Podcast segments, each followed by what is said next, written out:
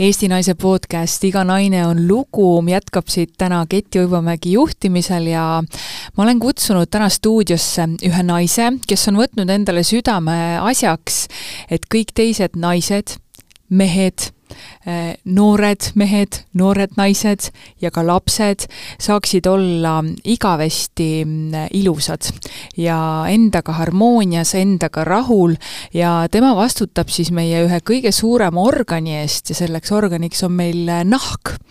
vastutab selle eest, et äh, kui seal on vaja mõnda õiget raviprotseduuri teha, kui sinna on vaja mõni laser teha, kui on vaja mõni lõikus sooritada, kui on mõni põletik läinud läinud liiga laiaulatuslikuks, aitab seda leevendada. kui on vaja panna mõni tõsisemat sorti diagnoos, samuti lisaks nahale vaatab ta, mis seisus on meie juuksed, mis seisus on meie küüned. Ja meil on stuudios täna külas dermatoenteroloogia arst-resident Brett Kaldvee, no tere tulemast!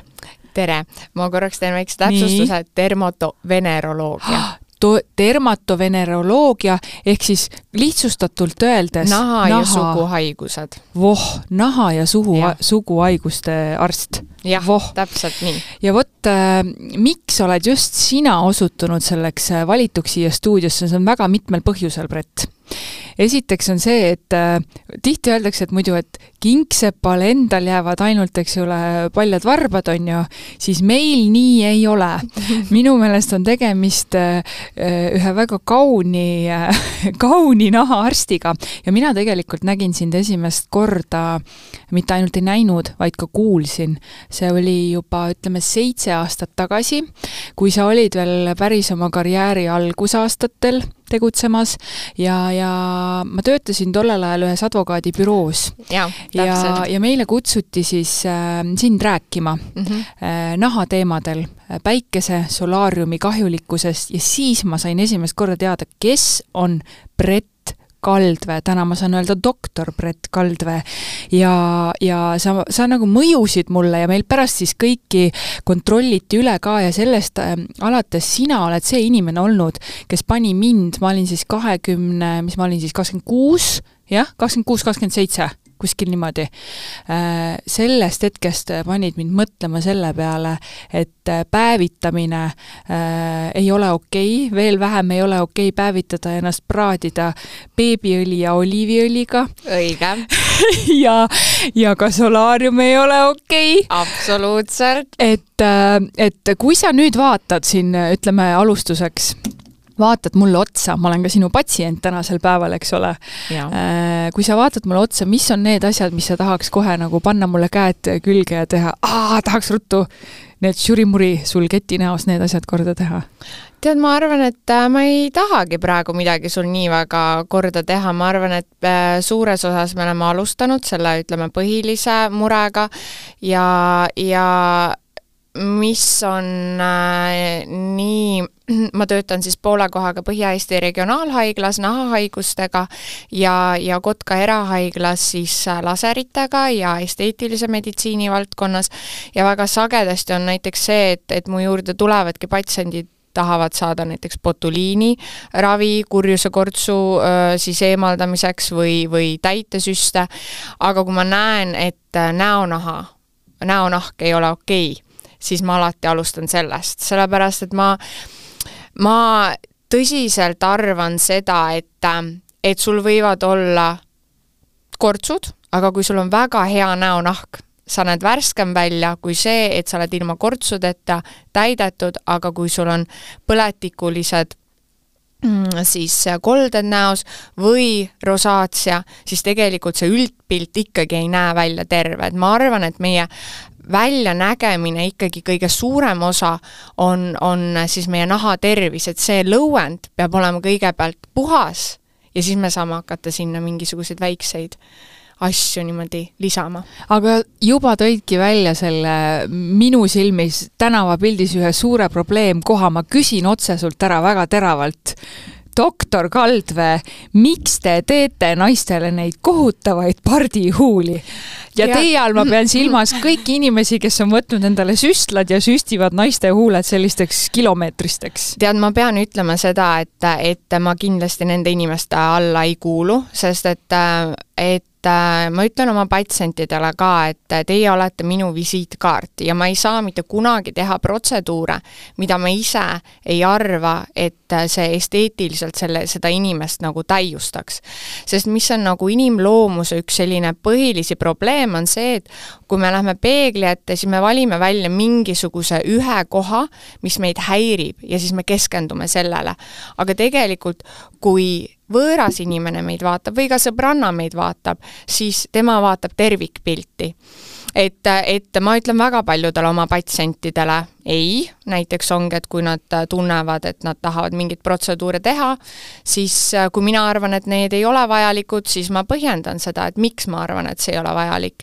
Äh, ja, ja samamoodi huulte teemaga, ma ei suuda sinuga rohkem olla nõus. mul on iseendal täpselt sama küsimus, ma tahaks võtta süsti ja siis lahustada need huuled ära, sest ma arvan kas seda, seda saab siis saab teha, teha.? saab teha, saab teha, saab teha. ma mõtlen, et vaesekese teised, need noored mm. tüdrukud, tead, ma sain ausalt öeldes šoki, kui ma käisin äh, ühel sündmusel hiljaaegu mm -hmm. ja mhm. seal olidki need üheksateist ja kahekümne aastased noored imeilusad naised, aga siis need huuled, mis olid nina otsani juba mm, -hmm. nad mhm. puudutasid seda ja võib-olla ma ei ole õige inimene kommenteerima, sest minul on looduse poolt mm -hmm. hästi mahlased sellised mm -hmm. huuled, on ju, et tihti mõeldakse, et küsitaksegi noh kus sa käid? kelle juures ja. käid. ja siis äh, ütledki, et no ei käigi, et pean oma isa pilti kõrvale näitama, et mul on issil samasugused, on ju. et mul, mul lihtsalt hakkas äh, paha vaadata, mul oli nagu kahju, kus kohas need noored siis käivad ennast süstimas tead, äh, see on hea küsimus, mitte minu juures, et, et äh, ma süstin ka huuli, aga minu käekiri pigem on väga loomulik. et ma, kui ma kirjeldaksin oma patsienti, siis ähm, minu patsient on ikkagi, ma julgeks väita, et selline enesekindel, endaga üldiselt väga rahulolev naisterahvas, aga ka meesterahvas, kes võib-olla soovib midagi natukene teha ja nad usaldavad mind, et, et, et et jah, kui ma huuli teen, siis see on pigem nagu väga selline naturaalne, natukene seda huult toestada, aga, aga mis ongi jah, põhiline huulte probleem on see, et, et nad on ületäidetud ja, ja lihtsalt see, et, et kui sa, see on sama asi, kui sul on äh, tass, mis on täis vett ja kui sa sinna vett veel juurde lisad, siis ta hakkab üle voolama. ja probleem ongi see, et see huule nagu maht, eh, see ei lähe lõpmatuseni, on ju.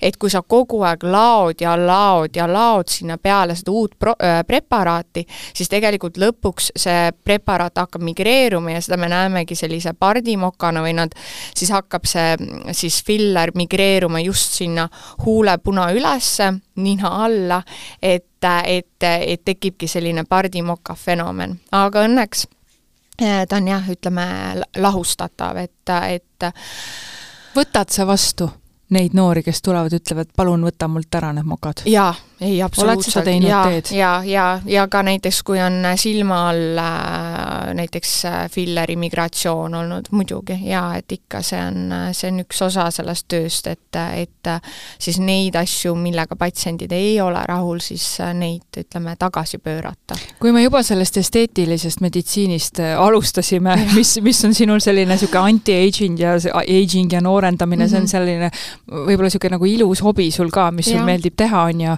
siis äh, äh, botuliin süstid ei ole alati alati kurjast ja ma tean seda enda pealt, et mm -hmm. botuliinravi kasutatakse migreeni patsientide äh, raviks, ta siis blokeerib teatud äh, peaosasse, kui sa teed need äh, süstid, siis ta blokeerib tegelikult seda valuaistingut ära mm. -hmm. et räägi sellest äkki natuke lähemalt. ja ütleme, et, et mis on väga sage, on see, et näiteks kui patsiendile kui patsient esimest korda tuleb ja ma ütlen, et teate, et no nagu sa küsisid, et kui sa mind vaatad, mida ma teistmoodi teeksin, et oma patsientidele ka ma panen sellised raviplaanid paika, mis, mida ma teeksin, mis järjekorras ja miks.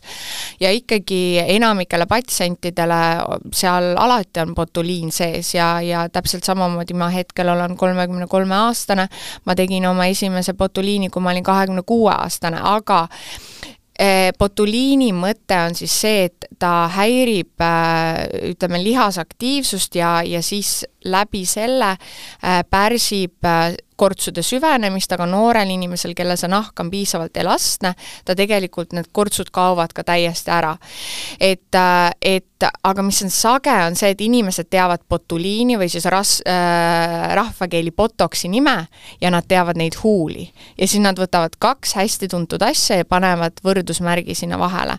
aga fillerid ehk täitesüstid on need, millega me nägu täidame, millega täidetakse huuli ja botuliinteraapia on siis see, mida me kasutame lihaste äh, lõõgastamiseks, aga ka näiteks minu üks lemmikravi on kindlasti higistamise ravi. et äh, botuliin on üks kõige efektiivsemaid higistamise vastaseid preparaate üldse. mul on praegu, suu praegu oli ohoo, ohoo moment oli praegu. mismoodi see välja näeb siis? tõstan käe ülesse, tulen arsti juurde ja siis doktor Kaldvee teeb mulle siis kaenla alla süstid jah, ja täpselt nii ongi, et ja, ja keskmine patsient esimesel korral kaob see higistamine ära pooleks aastaks, aga mul on ka patsiente, kellel juba esimese korraga on see aasta püsib tulemus ja tegelikult ongi, et ta pärsib siis seda higinäärme äh, tööd ja, ja läbi selle siis see kaenla alus ongi higistamise vaba ja jällegi, et kui, et äh, kui ma näiteks mainin seda patsientidele ja et, et, et see variant on ka, siis mul on olnud mitmeid patsiente, kes ütlevad, no okei okay,, aga no proovime ära siis. ja siis, kui me need ära teeme, siis nad sai, ütlevad mulle pärast, et tead, ma ei teadnud, et mul higistamisega tegelikult nii suur probleem on. et ja millal ma ütlen, millal sul on higistamisega probleem, on see, et äh, kui sul on mingi tähtis ettekanne või koosolek ja sa pead mõtlema, mis riided sa selga paned ja kui sa ikkagi valid üldiselt tumedad pintsakud, äh, ütleme selliseid ühevärvilisi triiksärke väldid, äh, siis suure tõenäosusega ikkagi on sul noh, täiesti näidustatud see botuliin, et see on, see on tõesti mul üks lemmikravi. Vau, vot, vot see tasub küll praegu kõrva taha panna, et need naised, kes, kes on ka samamoodi pannud selle botuliini sinna nende pardimokkade mm -hmm. kuidagi nendega ühte sahtlisse, siis tasub meeles pidada, et siin on tegelikult mitu väga head omadust, mida saab ravida, liighigistamist siis, mis on tegelikult väga suur ka selline ebakindluse tekitaja. sada protsenti, jällegi omast kogemusest saan nagu öelda, et, et ei, et see ei ole niimoodi, et nagu, et selle liighigistamisega on probleem, probleeme, ütleme, mingisuguse X kehakaalu või mingisuguse X tüüpi inimesega ei ole, et see on nagu täpselt samamoodi, ma ise teen endale neid higistamise süste, sellepärast et see on lihtsalt niivõrd nagu eh, elu ja ka nagu sa ütlesid, enesekindlust mõjutav nagu äh, protseduur, sellepärast et et kuna ma ise annan väga palju loenguid, et, et siis äh, see on jah, üks selline koht, mis, kus sa saadki võtta selle nagu lisapinge endal nagu ära. Et, et jah, et ma ei räägi siin mitte nagu ainult arstina, vaid ka patsiendina Läheme nüüd edasi selle murega, millega mina täna olen äh, pead äh, murdmas.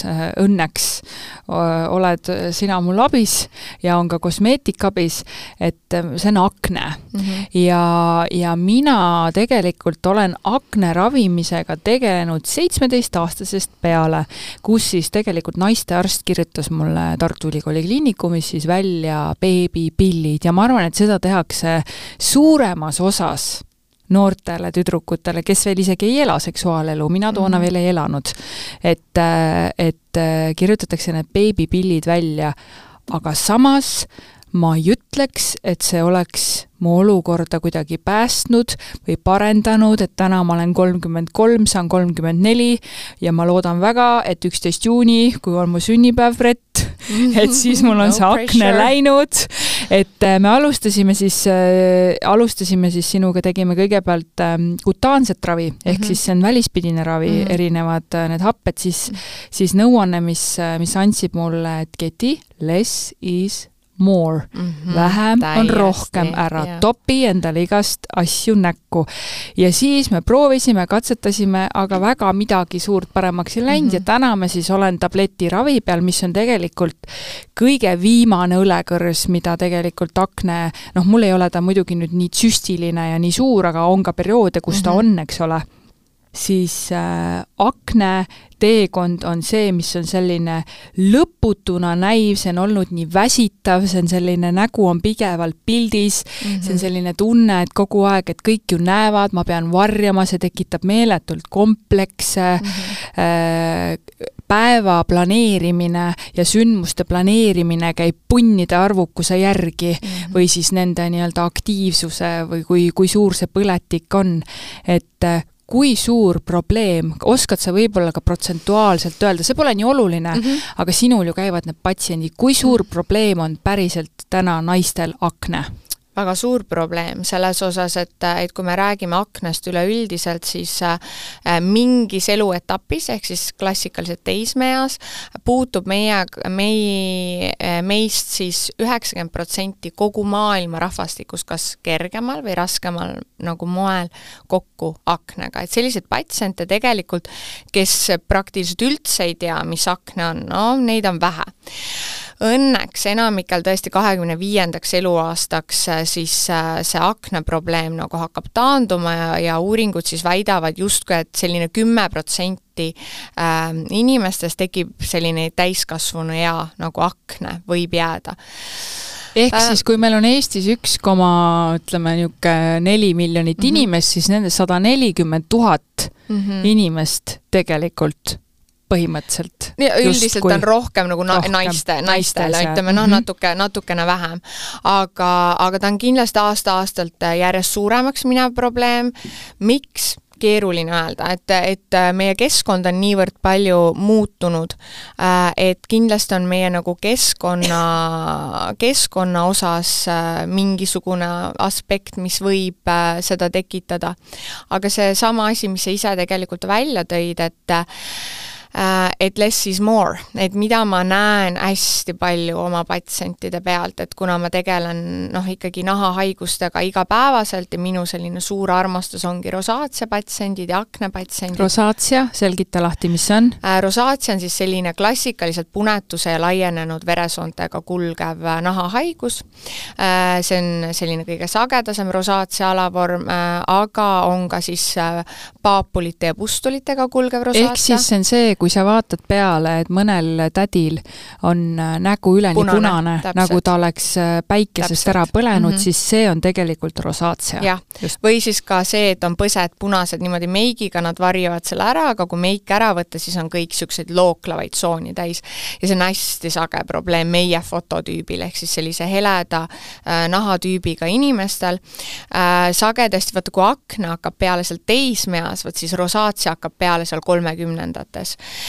Äh, ja, ja ütleme, kuna minu selline nagu põhipatsientuur on ikkagi hästi palju rosaatsia patsiente ja ka aknapatsiente, siis äh, mida ma näen ja ma saan täiesti sellest aru, sest ma ise olen ka rosaatsia all kannatav inimene, et ma, ma saan väga hästi aru, mida need inimesed läbi teevad et, et on see, et, et mingi hetk, kui sul on see haiguse ägenemine, reaalselt sa hakkadki, tahadki meeleheitlikult hakata proovima seda kreemi ja seda kreemi ja seda kreemi, sest et keegi Instagramis ütles, et vot see ravis mul selle välja aga tegelikult nahahaiguste puhul on see, et, et vähem on parem. et väga sagedasti ongi, hakkab siis, siis see liigne nahahooldustoodete kasutamine äh, ikkagi seda nahaprobleemi hoopiski süvendama, et mis ma kohe ära ütlen, et näiteks kui me räägime akna puhul, siis erinevad niisugused näoolid, isegi kui on öeldud, et see on aknale mõeldud näoõli, no. no õli no ja way. see oli see, mida Brett, sina ütlesid mulle ja ma pidin täiesti pikali kukkuma mm, -hmm. sest et need õlitootjad ise, mulle ju ka vaata saadetakse mm -hmm. igasuguseid mhm. pakikesi ja ütlesid ei, et see on nii super ja just teeb nii heaks. Ja aga mis see õli siis täpselt teeb? ta tegelikult äh, põhimõtteliselt suleb sul poore, ta on oklusiivne, et, et äh, ja, ja ka, ja ka meigitoodete osas on ju, et, et vähem meiki on parem, aga ma saan aru, kui sul on näonaha probleem, sa ei lähe ilma meikimata kuskil, kuskile välja, aga siis eelistad jällegi õlivabasid tooteid äh,, äh, väga kergeid tooteid ja viia minimaalseni see meigitud nagu päevade arv ja mida ma noh, ise teen, ongi see, et, et ongi, et hommikul päevakreem alla ja sinna peale siis sellise tolmpuudriga, mineraalpuudriga äh, siis äh, selline nagu, et sa ühtlustad selle näonaha enam-vähem ära, aga ütleme, sellist tõesti puuderkreemi kasutamist probleemse nahaga patsientidel oleks nagu ideaalses maailmas noh, et, et seda peaks olema vähem ja jah, et need on põhilised asjad, et inimesed hakkavad nagu tooteid, tooteid üle kasutama ja sellega tegelikult nad jäävad nagu sinna nõiaringi, et et akna puhul ei ole sagedasti väga mingit sellist ühte konkreetselt asja, et tead, kui ma selle ära jätan, siis mul läheb näonahk hästi, nagu hästi heaks. et see on, see on, kõik need pisikesed elustiili muutused võivad anda nagu selle nagu paranemise, aga väga sagedasti ikkagi sealjuures peab olema ravi.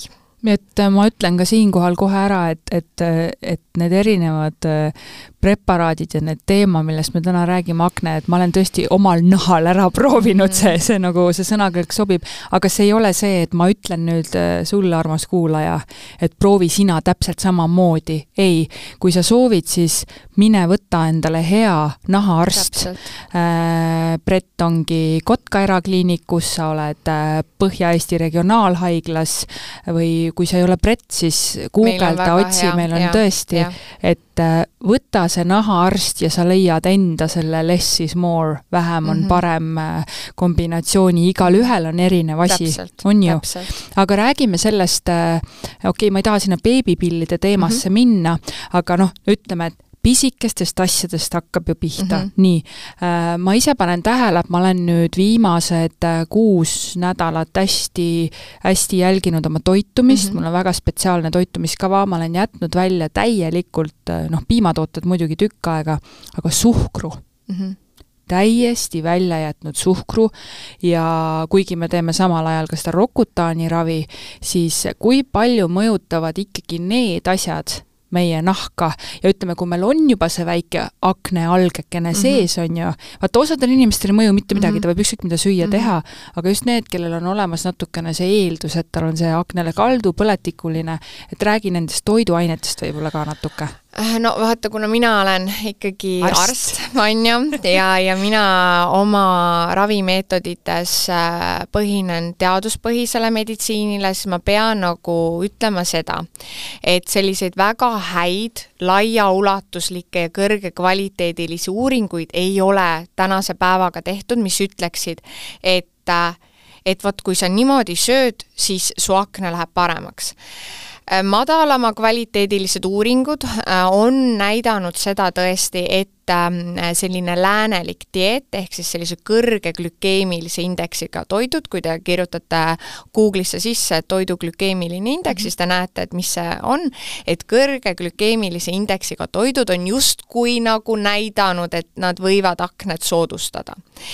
Äh, aga, aga ma rõhutan veel kord, et need on madalakvaliteedilised uuringud mm, -hmm. on vaja äh, täpsemaid uuringuid ja, ja nagu ma ütlesin, kuna minul käib hästi palju neid äh, aknapatsiente ja nad on nii hädas et nad on praktiliselt kõike proovinud, siis väga sagedasti ikkagi käib läbi see, ma olen jätnud ära piimatooted mm, -hmm. ma olen ära jätnud nisutooted, ma olen toitunud nii ja teistpidi ja aknas ei ole mingit vahet. et, et selles osas, üleüldise tervise osas muidugi söö äh, heast kvaliteetsest toorainest tehtud tooteid kui sul on mõned lisakilod ja sul on võimalik neid natukene nagu ütleme, eh, jätkusuutlikult kaotada, suurepärane, see ei tee mitte midagi halba. Äh, ja, ja mida ma nagu veel ütlen patsientidele, on see, et, et noh, et vaata nende uuringute osas on see, et mina toetun tõesti oma ravis eelkõige uuringutele, sest et et teistmoodi ma ei saa, aga aga tõesti, kui on nüüd patsient, ütleb, teate, no vot on nii, kui ma seda asja söön, siis mul läheb kohe nahk halvemaks. et, äh, et ma ei saa ka nagu vähendada selle inimese äh, siis äh, seoseid, mida tema on nagu leidnud, sest tema elab oma kehas igapäevaselt, mina näen teda võib-olla kord pooleteise kuu jooksul. et kui konkreetne patsient on tõesti nende aastatega, mis ta oma haigusega on hädas olnud, näeb neid üks-ühele seoseid, siis ma ütlengi, et et aga kui sul on võimalik, siis ürita seda vältida et aga ma väga suur jah, dieetide pooldaja, ütleme, nahahaiguste ravis äh, ei ole. no aga... mina ei ole ka näinud enda puhul ja. selles mõttes nagu noh, muidu ma ju ei oleks läinud tabletiravi peale, mhm. on ju, siis juba võiks ju ammu kõik korras olla mm, -hmm. et mhm. kui saaks lihtsalt selle nii-öelda banaanidieediga sellest mm -hmm. lahti, on ju, lahti, on ju, aga, aga, aga see, see akne on ju, äh, see on selline, see, see on nagu niisugune nagu lõppematu teema mm. -hmm, natuke on. et vahel on selline tunne, et millal see jama lõpeb ja siis on akne kohta äh, lisaks aknele üks väga lõppematu teema on meil päevitamine. ja see lõppematu teema, et mina mäletan ka, miks ma tegelikult hakkasin käima viieteist ja neljateistaastasena solaariumis koos emaga mm, -hmm. oligi selle tõttu, et oli selline müüt, et äh, päike kärsatab, need solaariumi lambid kärsatavad sinu aknepunne ära, et siis sul läheb nagu nahk palju paremaks, nii, ja nüüd doktor, on võimalus see müüt kas ümber lükata või siis nagu vot nüüd käed puusas seista ja öelda, mida sa sellest kõigest arvad? Äh, selles osas jah, et üks akne patogeneesi või põhjuse faktorid on selline bakter nagu propioonibakteerium aknas. mitte midagi ei saanud aru. propioonibakteerium aknas ja tema tegelikult on valgustundlik. nii et selles osas äh, patsiendid võivad tõesti näha, et pärast seda solaariumis käimist justkui natukene midagi läheb paremaks, aga äh, siinkohal on oluline nagu rõhutada, et tegelikult see nagu meeletu kollageeni äh, siis äh, äh kadu ja nahakasvajate siis äh, ütleme, soodustumine, mis, mis siis solaariumis käimisega tekib, see mitte kunagi ei, ei, ei noh, ei kaalu üle seda nagu üksikut asja, mida ta natukene võib nagu seal aknapatogeneesis natukene võib mõjutada. et sellepärast näiteks ma ise väga sagedasti lokaalse aknaravina kasutan ka valgusravi, kus me anname selliseid intensiivseid valguse sähvatusi näole ja tõesti, patsientidel enamikel läheb sellest ikkagi oluliselt nagu paremaks. aga, aga tõesti, solaariumis käimist ma absoluutselt ei soovita. ei ole mitte ühtegi põhjust siin maailmas, miks, ei ole mitte ühtegi nahahaigust, ei ole ühtegi põhjust siin maailmas, miks peaks inimene kas või päevaga oma elus solaariumis käima. no sellepärast, et Eestis on ju selline tatine ja hall ja kole ilm ja kust ma siis D-vitamiini saan? D-vitamiini saab apteegist ja uuringud on jällegi näidanud, et see, ütleme, purgist saadav D-vitamiin ei ole mitte kuidagi vähem kvaliteetsem kui päikesest saadud D-vitamiin ja mis on oluline ära märkida, on see, et kui me räägime UV-kiirgusest ehk siis päikesekiirgusest, see jaotatakse kolmaks. meil on UVC kiirgus, mis äh, tänu siis äh, osoonkihile äh, ei jõua äh, praegusel hetkel maa, maakerale äh,, ta on kõige kantserogeensem, aga õnneks need kiired ei jõua praegusel hetkel maapinnani. meil on UVB kiirgus, B nagu burning, ja meil on UVA kiirgus, ma ütleks A nagu aging, nii.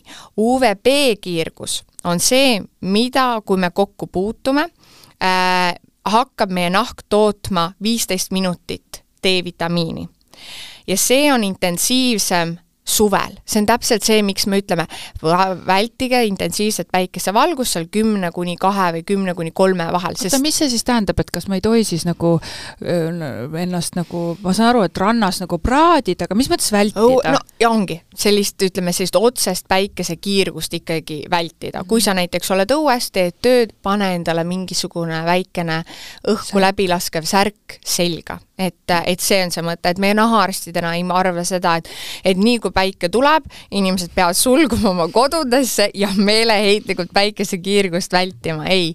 et, et see ongi lihtsalt see, et, et, et kui sa puutud sellega kokku, siis pigem kanna nagu riietust, kasuta päiksekaitsekreeme.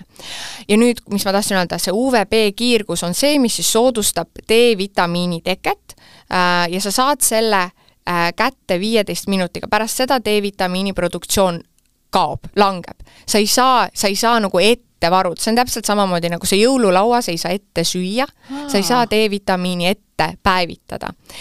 ja nüüd meil on UVA kiirgus nagu aging. Ja solaariumid tegelikult kasutavad üheksakümne viie protsendi ulatuses UVA kiirgust, sest see on see, mis äh, soodustab kohese pigmentatsiooni teket. nii et tegelikult on see, et äh, äh need D-vitamiini solaariumid, seal on suurendatud siis UVB kiirguse hulka, samal ajal aga on seal siis nahapõletuse tekkerisk kordades suurem. nii et ei ole jällegi põhjust minna solaariumisse. ja mis ma kohe ütlen ära, sest see on hea koht, kus see nagu välja öelda no, on see, et ta on nii kirglik ja, selle teema peale. täiega, et, et on see, et, et inimesed tahavad jumekad olla, ma saan sa-, sada protsenti sellest aru, et aga kui te tahate jumet saada, Äh, kasutage ise pruunistavaid kreeme. aga milliseid siis? ma Need, tean, me ei saa, ma ei no saa jah mingit äh, nimesid olgu. öelda, äh, aga, aga, aga ütleme nii, et see on niisugune katsetamise meetod, mis kellelegi sobib, mul endal on samamoodi välja kujunenud omad lemmikud, aga tõesti spreipäevitus või siis, äh, või siis isepruunistavad kreemid ei ole näidanud äh, jällegi uuringutes, et nad soodustaksid nahakasvajate teket, et nad omaksid mingit süsteemset mõju. Ja mis on eriti hea, on see, et tegelikult äh, nad on nii pikalt turul olnud, et nad ei ole suutnud ka näidata väga suurt sellist allergeensust, et seal kasutatakse sellist preparaati nagu dihüdroksüatsetoon, ja mis ei ole väga allergeenne komponent, et, et pigem kui on näiteks mõni patsient täheldanud, et, et pärast seda isepruunistava kreemi kasutamist on tekkinud mingi lööve, sagedasti võib seal olla mõni mingi abiaine, et see, et see nüüd aine, mis siis seda pruuni tooni meile annab, see ei ole ise väga allergeenne ega väga ärritaval, ärritavalt ei mõju nahale. teate, ma ütlesin ennist siin doktorile, et kui ma vastuvõtul käisin, et aa, et ma lähen aprillis reisile, päikesereisile, noh, lähen Türki ja siis eh, noh, niimoodi viisakalt siis ütles, väga kena, siis ostad endale selle UV-kaitsega trikoo, ma ütlesin, mis asja, ja, ja pikkade varrukatega hea, kui oleks, et eh, kui sa vette ujuma lähed. ja, ja siis pikkade varrukatega need, eh, need riided. Ja täitsa lõpp aga ma kuulan su sõna mm. -hmm. ja nüüd ma olengi siin guugeldanud ja otsinud, et kuskohast ma saan osta endale need pikkade varrukatega triksid Eestis, ma ei tea, surfipoest kuskilt. et, et aga mõtlesin jällegi, aga miks me sellest nii vähe räägime?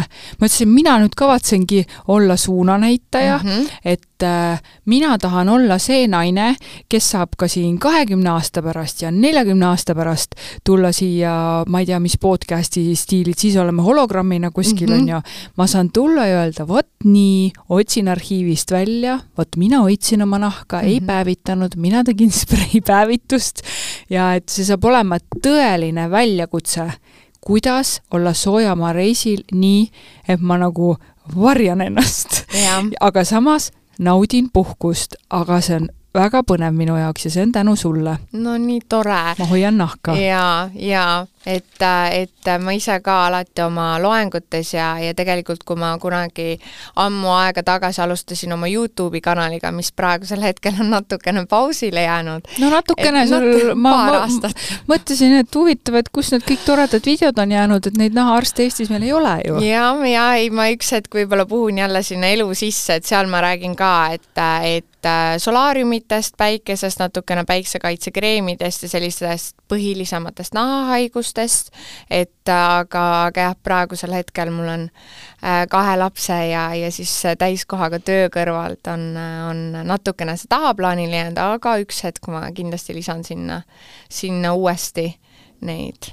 Ma tahtsin äh, selle päikese kohta öelda seda, et, et miks me siis ei või küsida, kas see ongi see siis, et meil tulevad, miks me ei või päevitada, et minu puhul konkreetselt on see, et mul praegu on pigmendilaikude oht mm, -hmm. aga pigmendilaigud on väga paljudel inimestel probleemne ja. koht täpselt ja, ja, ja see olenebki pigmentatsioonist, on ju, et missugune pigmendi äh,, pigmendi probleem sul on, et on erinevaid pigmentatsiooniprobleeme äh, ja, ja osad alluvad väga hästi näiteks laserravile äh,, aga on äh, pigmentatsiooniprobleeme, kus laserravi võib hoopiski halvendada seda olukorda, nii et hästi oluline on see, et see inimene, kelle juurde te protseduure lähete tegema, et ta saaks nagu aru, et missugust tüüpi pigmentatsiooniga on tegemist, sest et teatud juhtudel me võime hoopiski halvendada äh, pigmendilaike mis sa siis, mis sa siis sellel puhul teed, et tuleb patsient ja mõtled, et hakkad tohutult raviga pihta.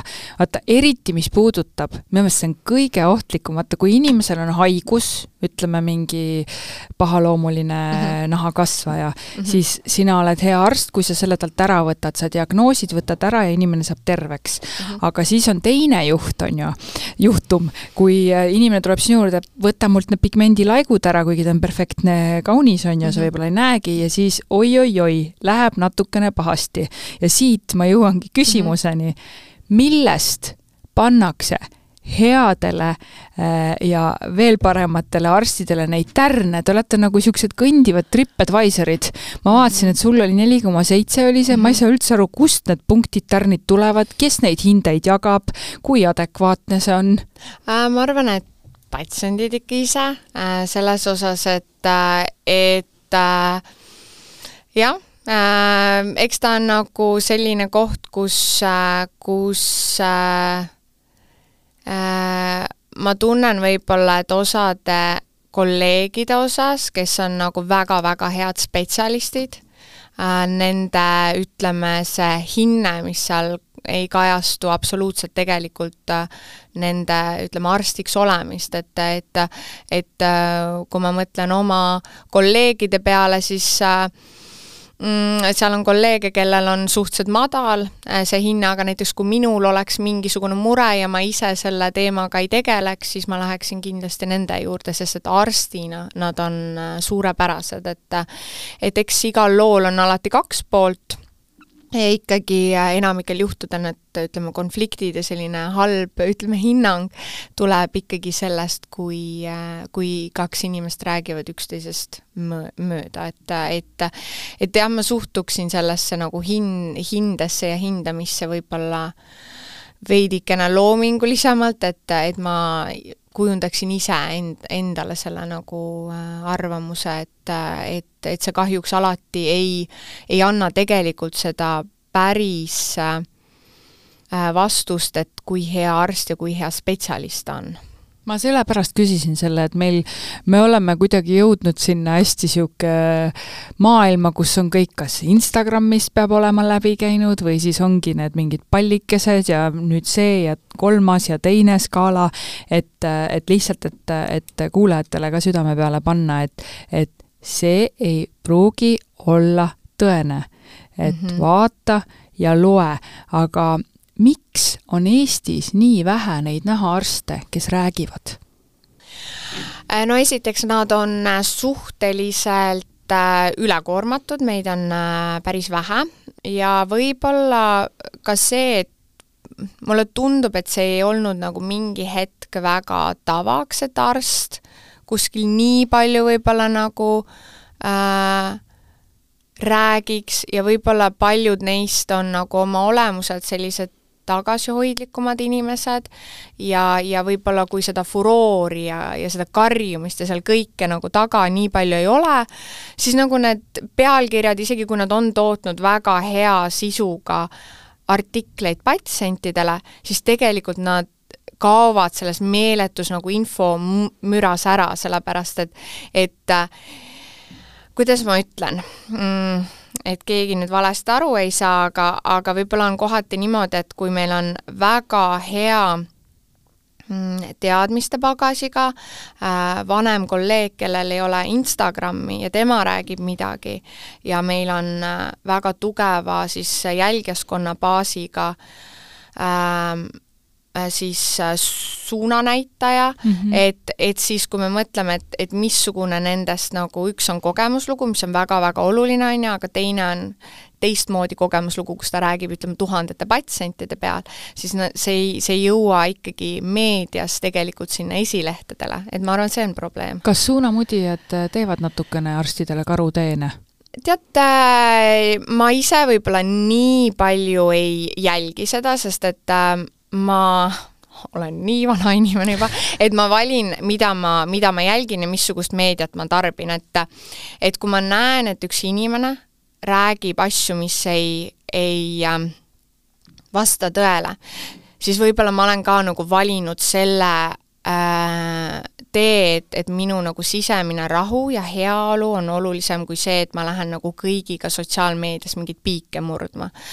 et äh, et ma, ma jah, ma ütleks, et minu nagu feed'i väga palju ei jõua seda, küll aga millest me ennist rääkisime ka, on, on, on see, et mida ma nagu igapäevaselt vastuvõttudel nii Põhja-Eesti Regionaalhaiglas kui ka siis erameditsiini pool näen, on see, et et patsiendid, kui ma küsin, et missuguseid nahahooldustooteid te igapäevaselt kasutate, siis nad toovad välja, et et ma kasutan ainult looduslikke tooteid, et missugust pesupulbrit te kasutate, ma kasutan ainult looduslikku pesupulbrit, et looduslik nahahaiguste seisukohalt ei tähenda tavaliselt head. nii, mis see nüüd tähendab, sa ütled siin, tead, need on valusad sõnad nüüd kõikidele nendele Eesti väiketootjatele, jaa, no, no nii, räägi. ma selles osas ütleme õnn-, õnneks suurem enamik äh, inimesi siin maailmas on ikkagi normaalse nahaga. Neil ei ole liiga kuiva ja liiga ärritunud nahka ja neil ei ole vastupidi ka liiga rasust ja aknale kalduvat nahka. nii et ma päris loodetavasti tööd Eesti väikeettevõtjatelt ära ei võta, sest suurem enamik pat-, inimestest saab neid kasutada need võivad äh, nagu, kui peale määrida, tekitavad inimesele sellise hea tunde, suurepärane. aga võib-olla minu äh, sõnum on see, et ikkagi need inimesed, kellel on nahaprobleemid, et peaksid äh, tulema nahaarsti juurde ja jällegi, nagu me ennist rääkisime, siis mõningatel juhtudel piisab ainult õigete nahahooldusvahendite kasutamisest, alustades äh, pesemisvahendist, asut- äh,, igapäevase kreemitamise osas äh,, noh, igapäevaste kreemide osas ja ka näiteks pesupulbri vahetamisest ja ütleme, sügelevad ja niisugused laia, laiaulatuslikud allergilised lööbed on nagu minevik, et et et jah, et selles osas äh, probleemsete nahkadega inimesed äh, jah, et, et sagedasti ikkagi nemad peavad kasutama natukene teistsuguseid tooteid, mitte selliseid, kus on sellised taimeosised ja taimeosiste baasil tehtud tooteid. kui aga, jällegi ma ütlen, kui aga konkreetne inimene tunneb, et ta on kasutanud seda ja ta on saanud abi sellest ja tema nahahaigus on läinud paremaks, suurepärane ma ei hakka raviskeemi muutma, kui asi toimib.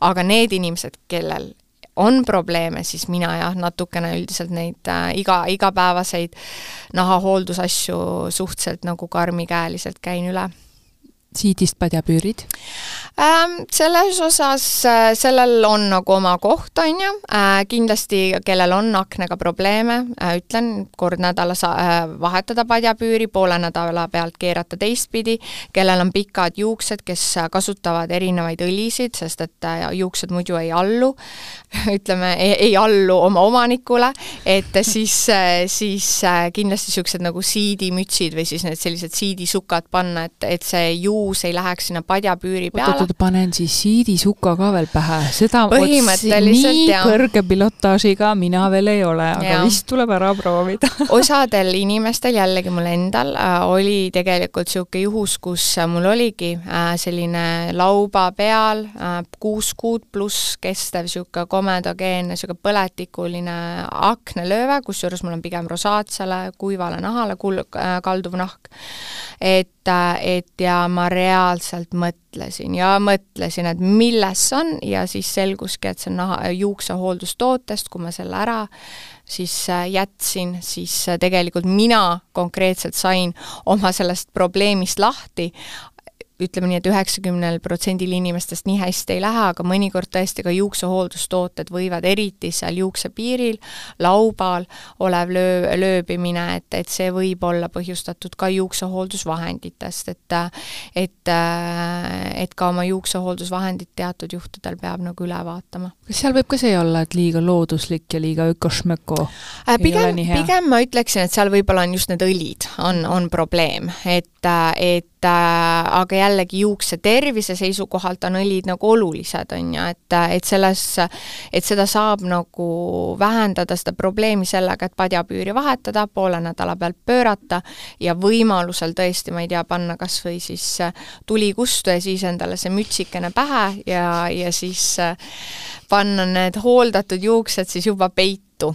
et see võib aidata, aga ei pruugi kas sa ise kardad ka, et äh, mingeid nahahaigusi paaniliselt või on sul mõni patsient, kes käib, et aa, mul kindlasti tuleb nüüd see haigus ja too või kuigi, või nüüd kuulajad on kuulnud selle mhm. pika mm -hmm. vestluse meil ära mm -hmm. mõnusasti ja mõtled, issand, mul kindlasti on see ja see ja see, on ju äh,? tead, väga palju õnneks äh, ei ole. Äh,, muidugi on sagedasti see, et äh, seda, seda ma näen just PERHis rohkem, et on, et kui on niisugused laiaulatuslikud lööbimised, et siis patsiendid alati nagu kahtlustavad nagu allergiat, et noh, iga, iga lööve näol või kätel või kus iganes ei ole allergia. Et sagedasti ta on pigem niisugusest ärritusest või liiga vähesest, ütleme, kreemi kasutamisest, kuivast nahast tingitud lööbimine aga, aga selliseid patsiente, kusjuures on mul olnud, et, et kellel lähedane on saanud näiteks mõne nahakasvaja diagnoosi äh, või siis äh, kes on nagu meedias noh, näiteks on, et üks vahe käis hästi palju melanoomi diagnoosi üle, et siis on nagu ütleme, sellised noored inimesed hakanud absoluutselt igat nagu täppi appi äh, kartma, et, äh, et, et seda võib-olla mul on olnud, aga pigem ma ütleks, et see on väike, väike probleem. aga kas inimesed äh, kardavad sind kui nahaarsti või tulevad rõõmuga? ei, ma arvan, nad tulevad rõõmuga jaa, mul on üldiselt äh, nagu patsientidega väga, väga vedanud, et, et äh, pigem jah, rõõmuga. et ei, ma ei ole seda tundnud, et keegi mind kardaks. no ma arvan, et meie kuulajad ka täna said aru, et, et Äh, et nahaarst ei ole selline kuri ja maailmast ja elukauge inimene, vaid, vaid saab väga hästi aru nagu, mis probleemidega me elame, aitab neid äh, probleeme ja murekesi lahendada ja, ja aitab meil siis anti-age ida ja, ja, ja esteetiliselt ja mõnusalt selline hea ja UVA ja UVB vaba olla. Mhm, täpselt, täpselt. Brett Kaldvee suur,, suur-suur tänu sulle täna podcasti tulemast tulemast ja, ja ma arvan ja ma väga loodan, et selliseid äh, nahateemalisi podcast'e või siis sinu enda Youtube kanalis, et seda saab palju rohkem olema, et need on teemad, mis on meil väga harivad ja väga vajalikud aitäh, et sa kutsusid mind ja, ja ma loodan, et, et kõigil kuulajatel oli võib-olla üks, üks selline ähm, fakt või asi, mida nad endale nagu sellest äh, ajast, mis nad meiega veetsid, said aitäh sulle! aitäh! Bye.